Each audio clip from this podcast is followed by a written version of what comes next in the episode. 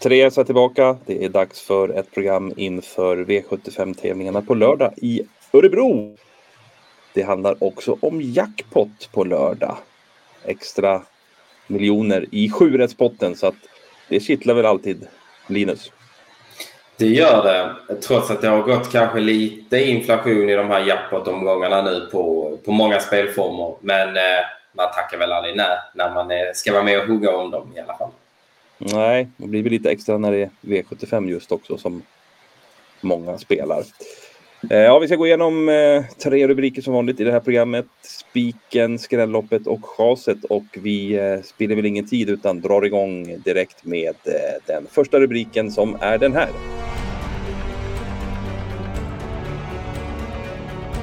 Spiken är det ja, den måste man ju ha för att få till ett bra system. Var landar vi i spik den här veckan? Vi landar väl där många andra också kommer att landa. Eh, vi krånglar inte till det. Vi går på häst nummer två, Jalapeno K i den avslutande avdelningen. Kom ju från en imponerande insats i finalerna här. Då var det visserligen klass 1 och gå upp då i en klass i och med att det är bronsdivisionen. Men vi tycker inte det ser mycket tuffare ut den här gången.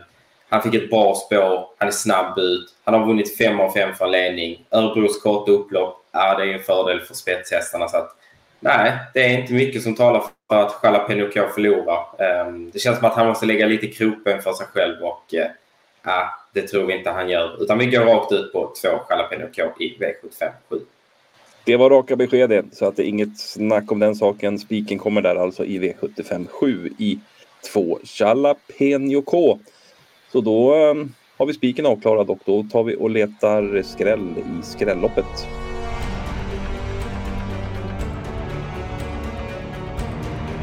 Som så många gånger tidigare så landar vi i skrälloppet i ett diamantstorlopp. Dessutom så eh, handlar det om ett lärlingslopp så att det här låter ju som en riktig skrällopp som vi har valt ut den här veckan. Och ja, är det de faktorerna som gör det eller vad, vad säger du? Ja, men bland annat. Och så kan man lägga till att det är inte de eh, mest rutinerade märarna. De har ju strax under eller runt 400 000 på sig. Så att, eh, ja, det finns mycket som talar för att det, det kan smälla här. Och, och, det är ju faktiskt ingen slump. Om vi går tillbaka och kollar vår historik så tror jag faktiskt att vi hade fått eh, ganska mycket vatten på vår kvarn i att det ofta skräller i de här typen av sammanhang. Mm, vi såg också på V86 i onsdags, det skrällde där i ett storlopp. Eh, V86 precis, precis. Kom en rejäl skräll Exakt. Mm. Jaha, vi pratar nog om det här. Om vi ska vara så, för övrigt det enda loppet vi missade. Vi fick ju sju rätt i onsdags på V86. Exakt. Så att um, så kan det vara. Eh, det var i alla fall bra att få sju rätt. Det har varit många sjuor där. Precis. Men tillbaka till loppet eller? Ja, det tycker jag. Det är V75 vi ska prata om och eh, ja, vad säger du om de mest spelade här då? Fyra Gelato Pellini, fem Made for Metalimo. Är det de som gör upp om ledningen kanske eller vad har vi för grundplan här? Mm, ja, men det väl, vi kan väl börja med procenten och att de är mest spelade, att det är inte fel. De kommer från två eh, bra insatser här. Eh, bra och stor för klassen, kan öppna, körs av eh, kuskar som har vunnit på den här nivån tidigare. Däremot så är vi väl kanske lite frågan till om det verkligen blir ledningen för fyra Gelato Pellini till exempel. Man har ju ett I Love for Depart invändigt och där låter man intresserad av att köra i spets. Skulle man vilja göra det då då finns det en risk, eller chans beroende då på hur man spelar, att eh, fyra Gelato Pellini tvingas göra jobbet utvändigt. Och eh, då är vi väl inte lika säkra på att hon är en stark favorit. Made for Metallimo kommer från en jättebra insats. Det var nog den bästa insatsen hittills, eller på väldigt länge i alla fall för hästen. Har inte radat upp segrarna annars och har varit tidigare i alla fall lite blöt sista biten. Så att eh, vi, kan se båda, vi kan se båda segerstrida och vinna men vi kan också se dem förlora. Så att här kommer vi gardera på.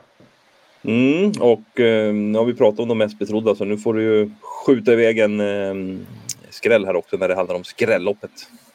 Precis. Vi nämnde ju Island for Deparda. Den eh, ska man inte missa. Och sen ska, får man absolut inte glömma 11 Cypress Point.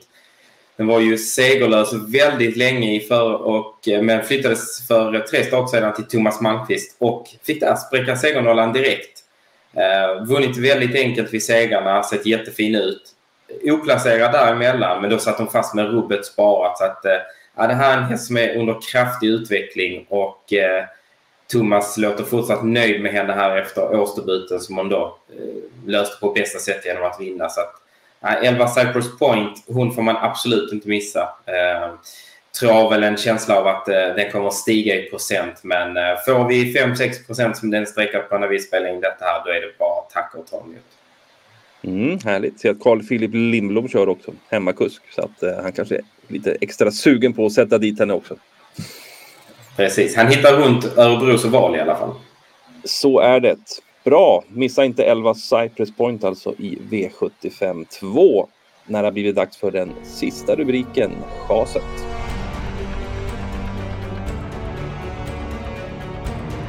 Chas ska vi ha en häst som är ehm, för hårt betrodd i våra ögon den här veckan och eh, ja, du får ta den direkt här då, Linus. Ja, men det tar vi i inledningen. V75 1, 4 Piotek Vrajtaut. Um, inget ont om hästen. En jättebra häst som har vunnit 5 av 13 starter.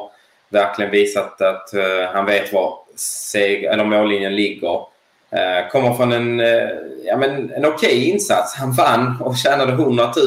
Men det var ändå inte riktigt det där riktiga stinget sista biten från stallet då, Angelica Jonsson meddelar efteråt att hästen hade faktiskt lite problem med virus, vilket gjorde att han inte vann lättare. Eh, ska träna bra nu och ehm, hon tror på en god insats. Eh, så långt inga fel, men ehm, det man ska tänka på är att hästen eh, står ganska tufft inne nu. Tjänar ju som sagt 100 000 i förra starten. Står ju tufft inne nu med 293 000 på sig i klass 1.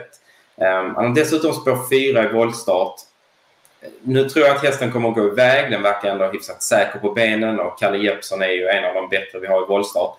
Men det kommer inte bli någon snabbstart och eh, vi tror att eh, de konkurrenterna då, eller de tuffaste konkurrenterna, alla kommer att sitta bättre till än Piotic Wrightout. Eh, han är sträckad på ungefär samma procent som dem. Det ska han inte vara och vi steker helt enkelt fyra Piotic Wrightout.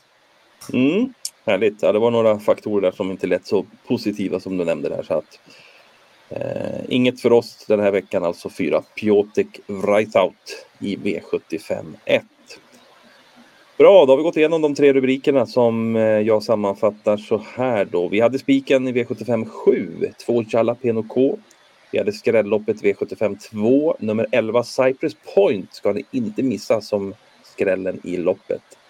Och så hade vi chaset alltså direkt i V75 1, nummer 4 Piotek Wrightout som vi tycker är lite för hårt betrodd den här veckan, så den steker vi.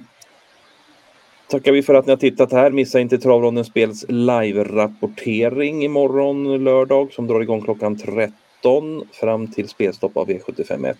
Lycka till nu då med V75-spelet.